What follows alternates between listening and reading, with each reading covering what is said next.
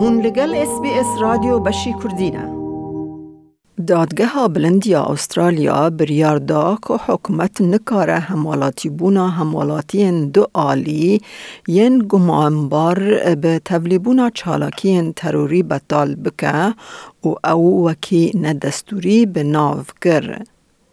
اف بریار پشتی کو دلیل الکزاندر کو خودی دو همولاتیان همولاتی بناوی به تاوان گمانباریا کو او آشکره تولی کوما تروریستی یا داش لسوریه بویه هاتبو پاشوک شاندن.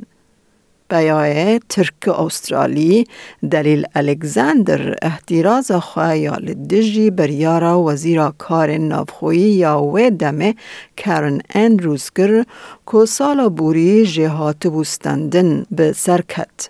پشتی که او به تولیبونا ریخستنا ترور یادداش هات تاوان کرن.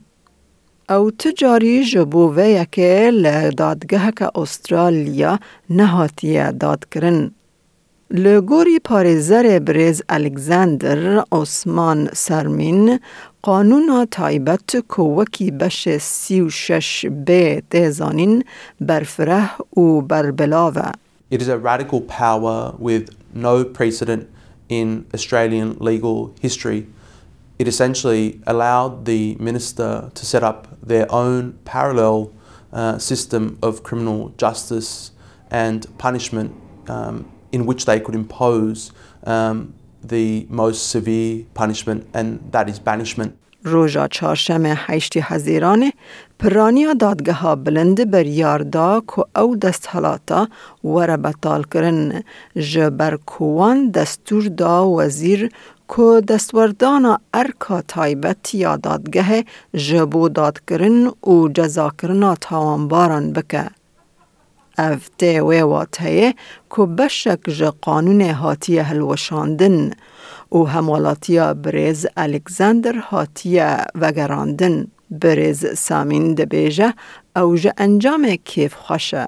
It is a massive relief um, for our client, and essentially today's decision declares that his Australian citizenship is, is valid Um, and it is a relief for many people like him in, in, similar, in similar circumstances. پارزر دستوری و اکادمیسیون آج زانینگه ها نیو ساث ویلز سنگیتا پلای دبیجه او بریار خودی باندورین دورو دریجه جبر کته تخمین کرن که دهان هکه نه بیتر بجی دوزن به وی رنگی ین لا استرالیا هنه که بشه سی و شش به باندور لوان کریه. So what that means is that any time someone's had their citizenship cancelled under section 36b because that provision is gone now it's invalid it's like it was never allowed to be made so we assume that it was never made so anyone that's lost their citizenship under this provision gets it back, not just Mr. Alexander, anybody. لی دکتر پیلای دبیجه ممکنه که هن کس هبن